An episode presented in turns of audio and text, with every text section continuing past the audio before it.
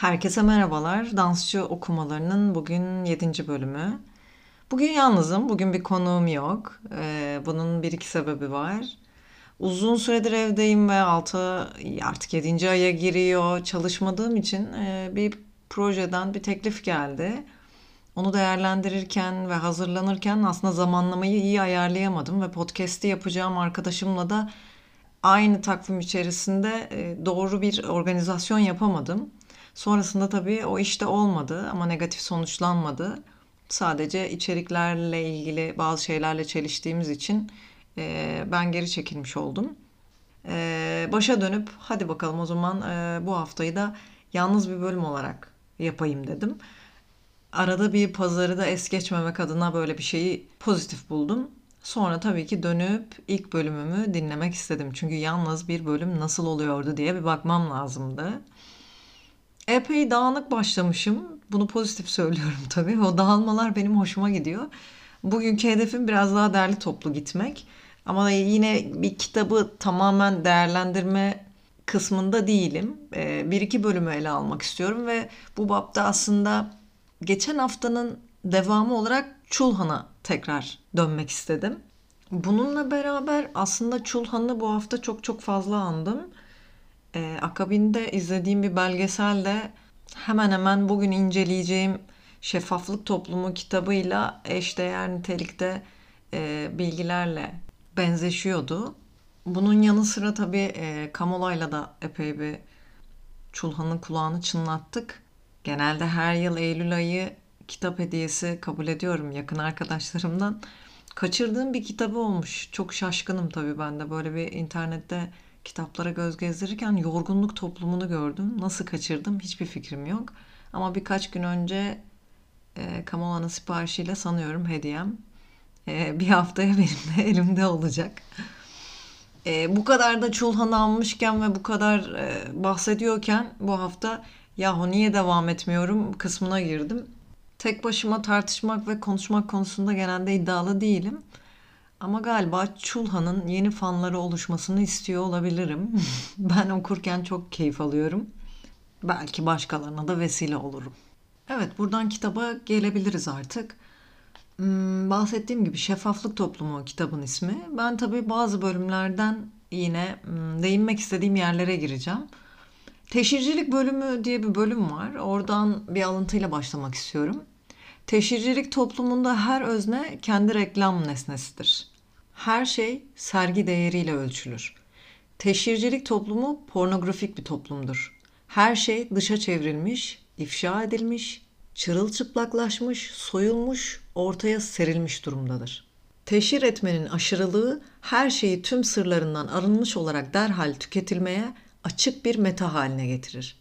Kapitalist ekonomi her şeyi sergilenme mecburiyetine tabi kılar. Şimdi ben buradan kendi anladığım e, yeri değerlendirmek istiyorum.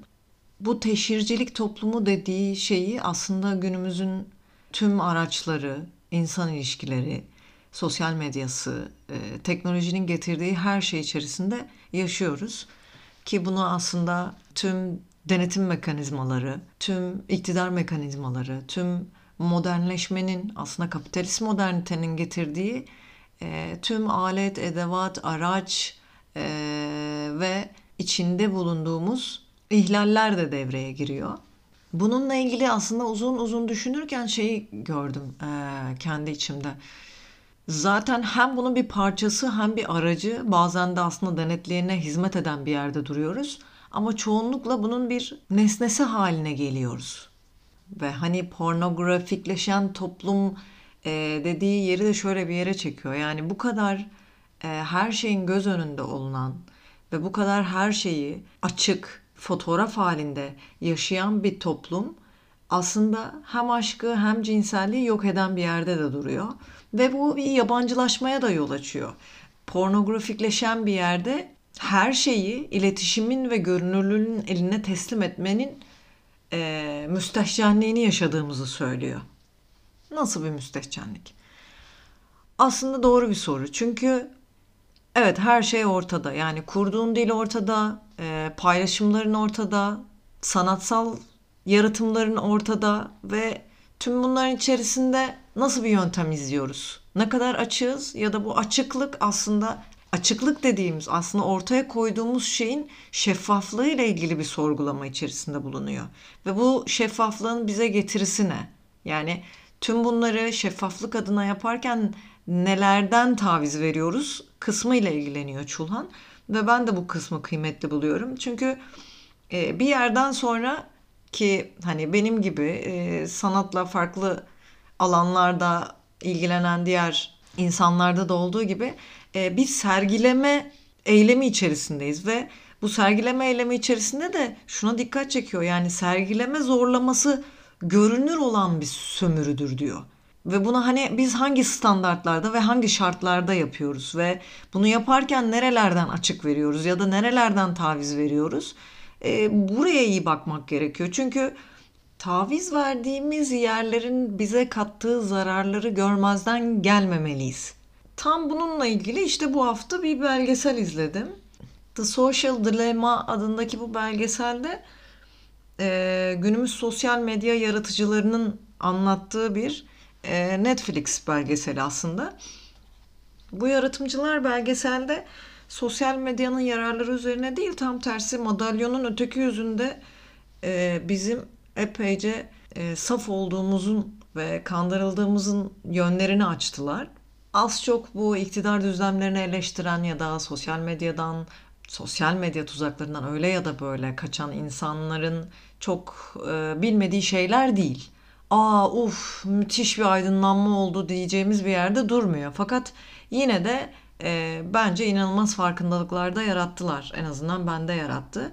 E, özellikle bu e, Google'ın e, eski tasarım etikçisi Tristan Harris'in e, söyledikleri enteresandı. Yani ki bir sürü tasarımcı var bu arada. Instagram, Facebook, Gmail, Google, YouTube e, bir sürü bu ticari algoritmaların e, yaratıcıları ve şirketlerinin temsilcileri ve yaratımcıları aslında bu insanlar ve orayla aslında bu e, şeffaflık toplumu demin girdiğimiz noktadan e, nasıl bizi ele geçiriyor e, ve nasıl bir piyasa hakim ve bu bağımlılıkları nasıl yarattıklarına e, ve bunu artık bir seni e, bir ürün çerçevesine koyarak nasıl başardıklarını anlatıyorlar. Bence çok çarpıcıydı.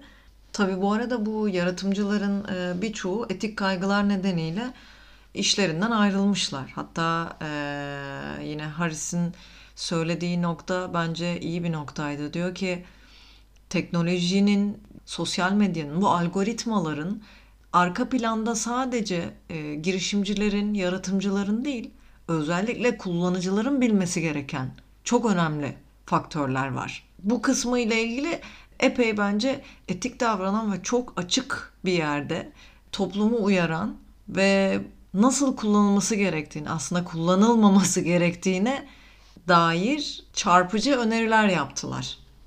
Bunun nasıl işlediğini herkes bilmeli diyor Tristan Harris.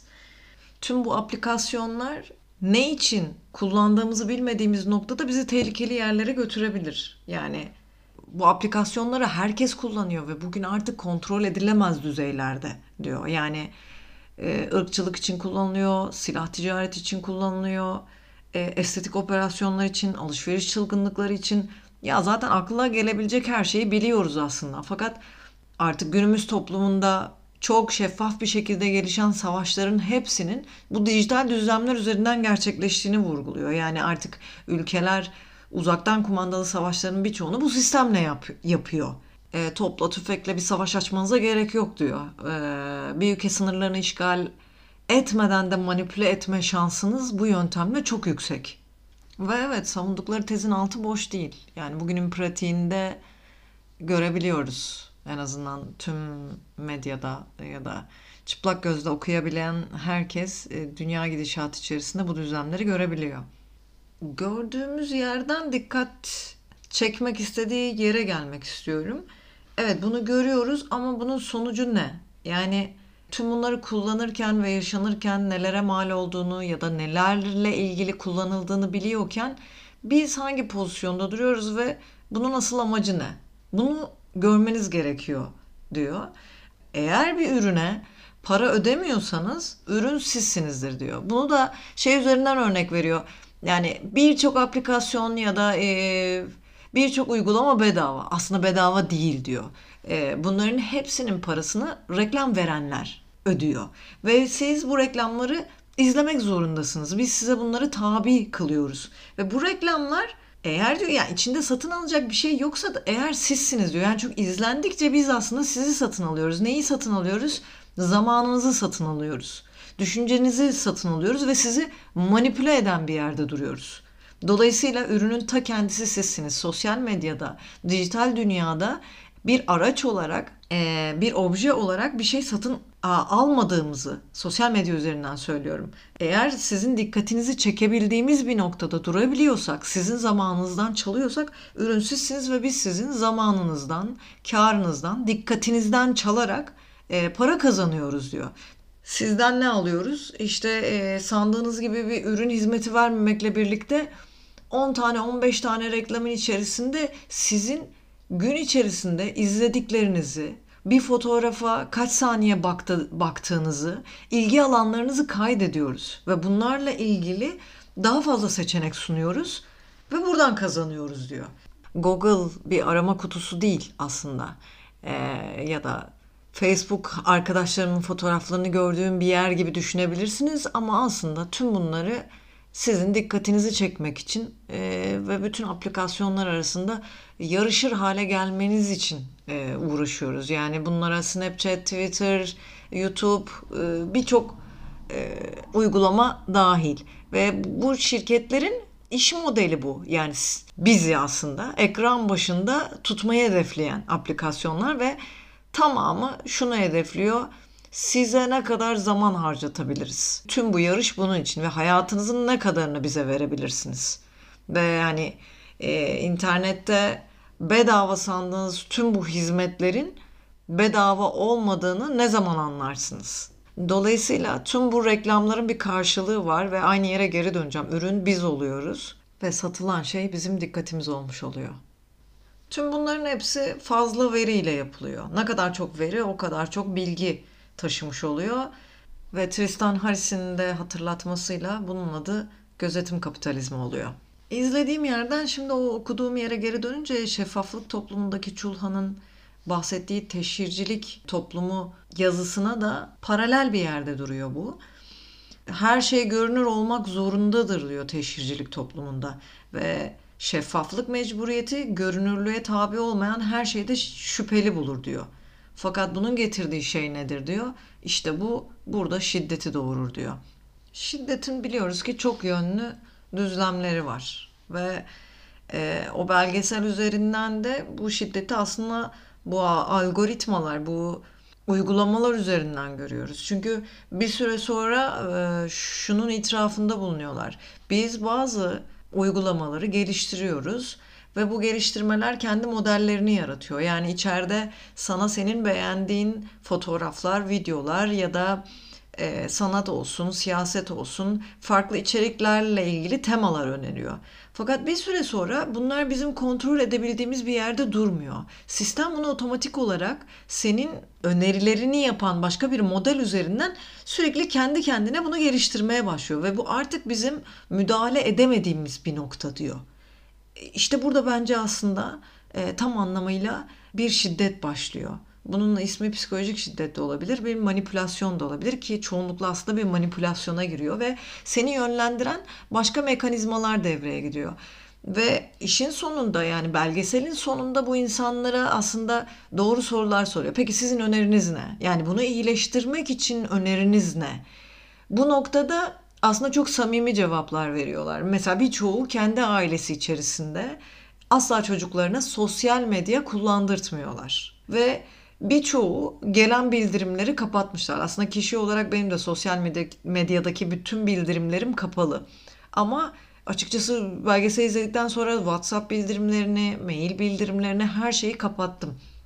Çünkü e, günün birçoğunu evet o gelen sesler ya da görüntü ekranındaki bildirimler üzerinden e, zaten işimizi yapamadığımız bir düzlemde sürekli telefona uzanan e, onun koşullandırılmasıyla e, eline aldığın işini gördükten sonra tamam 10 dakikada hallederim diyeceğin işinle birlikte e, bir 20 dakika 25 dakika bırakmadığın oluyor. Dolayısıyla bu düzenlemeleri mesela kendileri yaratıcıları oldukları uygulamalarla ilgili çok enteresan önerilerde bulunuyorlar ve şeyi görüyorsun. E, ya bunun yaratıcısı sizsiniz ama nasıl böyle bir öneride bulunuyorsunuz? Diyor ki evet ama böyle yani YouTube'u ben yarattım ama e, YouTube'un size önerdiği başka bir videoyu izlemeyin diyor mesela. En azından bunu seçme şansınız olsun. Yani bunu sizi bu kadar yönetmesine ve size öneriler sunarken sizin e, vizyonunuzu etkilemesine izin vermeyin. Ya da şeyi kaldırın. İnternet üzerinde yaptığınız taramaları, geriye dönük bilgileri silin. Neye nasıl baktığınızı şekillendiren e, bir uygulama olmasın. Bu ancak kendi kendinize verebileceğiniz bir kararın gelişimiyle zaten mümkün olabilir diyor. E, oradan tekrar geri dönüyorum kitaba. Çünkü e, Çulhan'da tam benzer bir şeyle ilgili bir cümle kurmuş. Mesafe, iletişim ve sermaye dolaşımlarının hızlanmasına engel oluşturur diyor. İşte bu mesafeyi aslında doğru noktadan işimize yarayan kısımlarla ilgili sonrasında o mesafeyi doğru kullanan bir yerde olursak Evet, bunu ancak biz değiştirebiliriz. Zaten sonunda e, şöyle de bir yere geliyor. Biz bunu yarattık ama değiştirmek de zorundayız. Çünkü bugün bu uygulamalar ya da bu şirketlerin hepsi yani tüm bu platformlar çocukların gelişimini etkileyen bir yerde duruyorsa, siyasal faktörleri değiştiren, toplumun gidişatını belirleyen bir düzlemde duruyorsa o zaman e, bu kamuoyunun sorumluluğunu da almalılar. Hatta şöyle bir örnek veriyor ki bence güzel bir örnekti. Seçim reklamı yapıyorlarsa seçimi korumakla yükümlü olmalı bu platformlar. Ya da çocuklara sunulan herhangi bir uygulamanın etkisinden yine çocukları etkilediği noktada sorumlu olmalılar. Yani onlara bir eğlence sunuyorum noktasında varken daha sonra onun etkilendiği noktada e, bunun sorumluluğunu almayan bir yerde duruyorlarsa bu tür davranışların sorumluluğunu almalı bu tür platformlar. Tabii en başta ilk e, yaptıkları şey bir öz eleştiriydi. Yani biz, bunu biz yarattık ama evet yıkmamız gerekiyor. Ama şunun da tabii farkındalar ve altında çiziyorlar. Ee, bunu biz değiştiremeyiz artık. Çünkü aslında e, bir bütünü, bütün bir dünyayı ele geçiren bir sisteme imza attılar. Hmm, ve teknolojik düzlem bugünün itibariyle çok çok fazla kullanılan ve e, sosyal medya, dijital ağlar hepsi artık e, önünü alamadıkları bir noktada duruyor. Ama diyor ki bunu değiştirmemiz gerekiyor. Yani bunu sadece biz değiştiremeyiz. Bunu sadece platformlar da değiştire, değiştiremez. Bunu toplumsal e, büyük e, sesler ve birlikler ancak değiştirebilir ve değişmesi gerekiyor. Nun altını çiziyorlar. Yani bugün mü değişir, yarın mı değişir bunu bilemiyoruz ama değişmesi gerekiyor. Çünkü değişmezse yaratımcılarının dile getirdiği şey üzerinden kimisi iç savaşların çıkabileceğini, kimisinin 20 yıl sürerse artık medeniyeti kasıtlı bir cehaletle yok edebileceğini, iklim değişikliklerinin önüne alınamayacağına, demokrasilerin ayağa düşmesine, sebep olacağına dair kendi düşüncelerini dile getiriyorlar. Evet doğru yani bir noktadan söyledikleri gibi evet, dünya ekonomisi de çökecek belki e, tüm bunlar da değişecek. Çünkü şunun da altını çiziyor yani özellikle Facebook e, tasarımcısının bahsettiği güzel bir örnek vardı. Ya ben beğen butonunu tasarlarken ve e, yaparken pozitifliği öne çıkaran ve bunu böyle bir e, enerji gün içerisinde iyi bir şeye evirmek üzerine yapmıştım. Fakat öyle bir noktaya döndü ki beğenilmemek müthiş bir depresyon yarattı yeni jenerasyonda. Ve bundan sonra artık e, belli gruplarda da kutuplaşma ve farklı siyasi görüşlerin birbirine zıt yansımaları e, gelişmeye başladı. Ama aslında bazen pozitif olarak yarattığınız şey size handikap olarak da geri dönebiliyor kısmını açmıştı. Evet e, buradan Çulhan'ın şeffaflık toplumu haz düşmanı bir toplumdur. İnsanın haz ekonomisinde haz ve şeffaflık bir arada bulunmaz deyimine geri dönebilirim. Şeffaflık zorlaması hazın oyun alanlarını yok eder diyor. Evet o tarafıyla bağlaştırarak tabii yine e, bağlantıyı kurarak devam etmek istiyorum. O beğenilme butonunun ters yönde işlemesi tam da bu bahsettiği şeffaflık zorlaması yani hazın oyun alanlarını yok etmesiyle ilgili bir yerle de bağlantı kuruyor benim için. Hazzı ben burada almak istediğimiz bilginin niteliği, genişliği ve aslında anlamda bulmak istediğimiz hayatla ilgili standartlar ve yaşayış biçimlerimizdeki o sanat yordamları olarak görüyorum. Çünkü şeffaflık toplumunun bir porno toplumu oluşunun tesadüfi olmadığından bahsetmişti. Ve tesadüfi olmayan şeyler de hazdan uzak olan, tamamı kontrol altında gelişmiş ve bize bir şey katmayan, aslında tam olarak bir şey katmayan demek doğru değil. Bize eksi olarak sürekli bir şeyler katan bu denetim kapitalizmi düzlemindeki araçlar olarak yansıyor. E, araçsal olan şey de zaten pornografikti. Hayali olmayan ya da böyle e, anlatısal bir gücü olmayan e, şeylere de izin vermediği için bu pornografi e, o zaman şöyle bir yere geliyorsun. Bu aşırı netlik, bu belirginlik e, dolayısıyla bir yerden sonra hayal gücünü ve yaratıcılığı sekteye uğratıyor. Aslında bir felce uğratıyor. Burada boğulmaya başlıyorsun. Ve boğulduğun nokta tabii ki yine e, şeffaf topluma iten, o açıklık toplumuna aslında Çulhan'ın deyimiyle apaçıklık toplumuna iten e, ve seni pornografiye zorlayan bir zemin oluyor. Ve bugünün araçlarıyla o sosyal medya düzleminde ya da teknoloji düzleminde tüm bunlara bir araç oluyorsun. Nasıl oluyorsun? İşte bir sanatçı olarak örneğin ben e, bir dans projemi çok da aslında paylaşmak istemediğim bir e, görüntü düzleminden kendimi açmış oluyorum. Ne o düzlem? E, şu belki benim için çok özel bir bölüm. E, ben onu seyircinin birebir görmesini istediğim bir çerçevede tutuyorum ama çok da çarpıcı bir bölüm. Belki o bölümü fragman olarak yayınlarsam seyirci çekebileceğim bir algı üzerinden bunu yayınlamak zorunda kalıyorum. İşte burada aslında o bahsettiği pornografik toplum, apaçıklık toplumu e, konusunda e, bir ikilem içerisinde kalmış oluyorum ve e, başından beri bahsettiğimiz bu platformların bizi kullanma amacına hizmet eden bir araca dönüşmüş oluyorum aslında o bölüm benim için özel bir bölüm. Hatta se- sadece seyirciyle paylaşmak istediğim kutsal bir bölüm de olabilir. Ee, ben onu kutsayan bir yerde de duruyor olabilirim. Burayla ilgili işte Çulhan çok güzel bir şey söylemiş. Kutsal olan şeffaf değildir. E ne oldu? Burada ben aslında şeffaflaştırmak istemediğim bir şeyi zorla şeffaflaştırmış oldum. Bu sadece pornografinin işine gelen bir düzlem oluyor. Dolayısıyla arzuladığım şeyle elde ettiğim şey hep bir e, farklılık gözetmek zorunda kalıyor. O pornografiye girmeyeceğim diye tüm sosyal medyayı da bırakabilirim. E, hiçbir şey paylaşmayabilirim. Ama nasıl bir düzlem içerisinde çalışacağıma dair bir alternatif yok.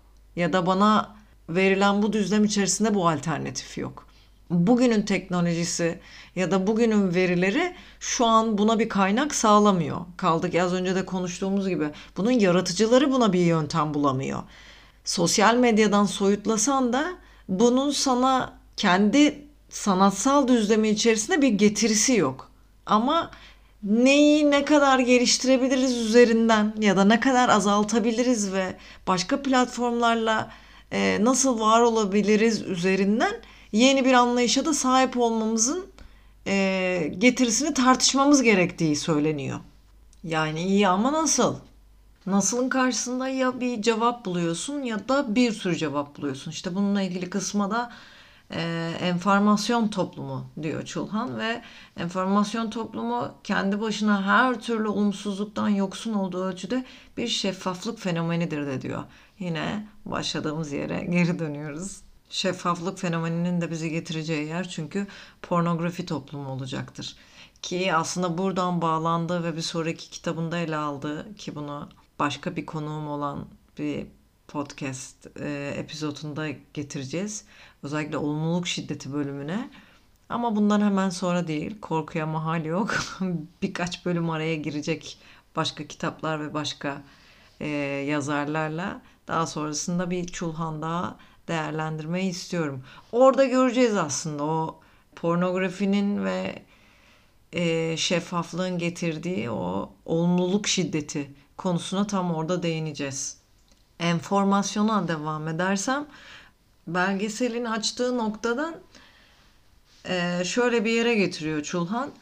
Aslında aynı nokta ve aynı şekilde değerlendiriyor. Biz sosyal medya, e, dijital ağlar, işte platformlar derken o da tüm multimedyayı kapsayan enformasyondan bahsediyor ve e, bunların hepsi bir iletişim kütlesi, bir çerçeve olmaktan ziyade karman çorman bir yığındır diyor.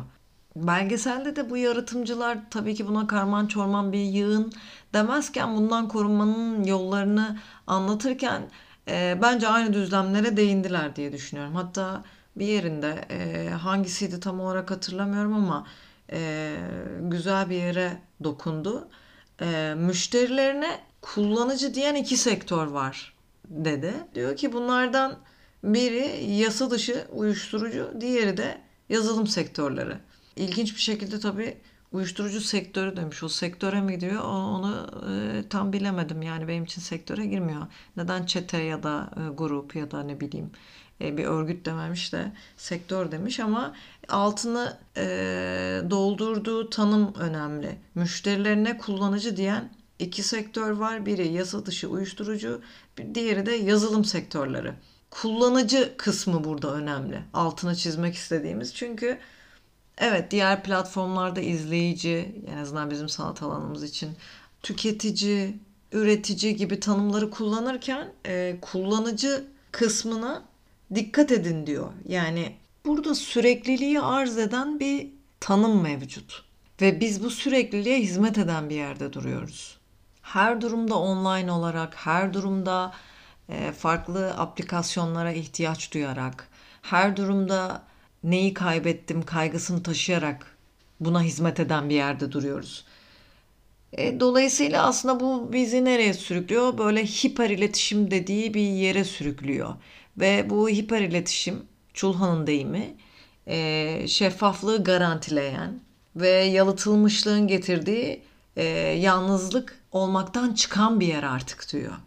Şöyle bir şey düşünüyorum. Tamam hani işimize yarayacak ya da bizi bir noktada gün içinde hayatımızı kolaylaştıracak bir sürü aplikasyonu da kullanıyoruz. Yani hava durumu, Yandex vesaire. Bir sürü şey var bununla ilgili. Ama e, bahsettiği o tüm aslında gereksiz olan bildirimler ve sosyal medyanın gücü ve aslında bize dayatılan şeffaflık toplumu üzerinden yansıtmak istemediğimiz ama sanki yansıtmaya mecburmuşuz gibi hmm, dayatılan bazı formları içsel olan yerde bazı şeylerle ilgili kopukluklar yaşıyoruz. Bunlar yaratımlarımıza yansıyor. Bunlar yaşantımıza yansıyor. Bunlar büyük oranda aslında ilişkilenme biçimlerimize yansıyor. Ee, ve günün sonunda kaç kişiyle iletişim kurduğumuzu düşündüğümde, e, kaç kişiyle tam olarak tartıştığımı ya da kaç kişiyle arkadaş olduğumu, e, kaç kişiyle gerçek anlamda dolu dolu bir iki saatin sohbetini götürebildiğimiz noktaları düşündüğümüzde e, doğru e, ciddi bir pornografi toplumuna itiliyoruz ve bu şeffaflık toplumunun sende dayattığı şeylerin izlenimini bir kullanıcı olarak yaşıyorum. Bu aslında pornografi diktatörlüğüne giriyor. Çulhan'ın böyle bir tanımı yok. Aslında birçok şeye dair bir diktatörlük tanımı var. E, böyle bir şeyden bahsetmemiş. Bunu da ben söylemek istiyorum. Bence pornografi diktatörlüğü tam olarak buna giriyor. Buradan yavaş yavaş sona doğru geçmek istiyorum. Aslında Çulhan'ın e, bir alıntısıyla bitireceğim. Ama ana tema anlaşıldı diye düşünüyorum. Aslında gerekli olmadığı sürece veya ihtiyacımız dahilinde olmayan şeyleri ne kadar azaltırsak ve gerçek iletişimi ne kadar esas alırsak e, o kadar anlaşılabilir ve diyalektiği düzgün bir topluma dönüşebiliriz. Ve bu noktada da aslında kişi kendinden başlayarak bir toplumu değiştirebilir. Dolayısıyla birey dönüştükçe toplumda kendi içinde bir dönüşüm sağlayacaktır. Bu da e, tek tek bizden geçiyor. Bu pornografi toplumu ve iletişim enformasyonunun yarattığı tahribatla ilgili bir e, alıntıyla bitireceğim. Çulhan diyor ki duvar, çatı, pencere ve kapıdan oluşan sağlam ev günümüzde zaten maddi ve gayrimaddi kablolarla delik deşik edilmiş, çatlaklarından iletişim rüzgarının estiği bir harabeye dönüşmüştür. İletişim ve enformasyonun dijital rüzgarı her şeyin içine işler ve her şeyi şeffaf hale getirir. Ancak şeffaflığın ortamı niteliğini taşıyan dijital ağ hiçbir ahlaki buyruğa tabi değildir. Yüreğin ahlaki arınması değil, maksimum kar, maksimum dikkattir amaçlanan. Deyip alıntımla bitirmiş olayım. Haftaya dansçı okumalarında yeni bir konukla görüşmek üzere.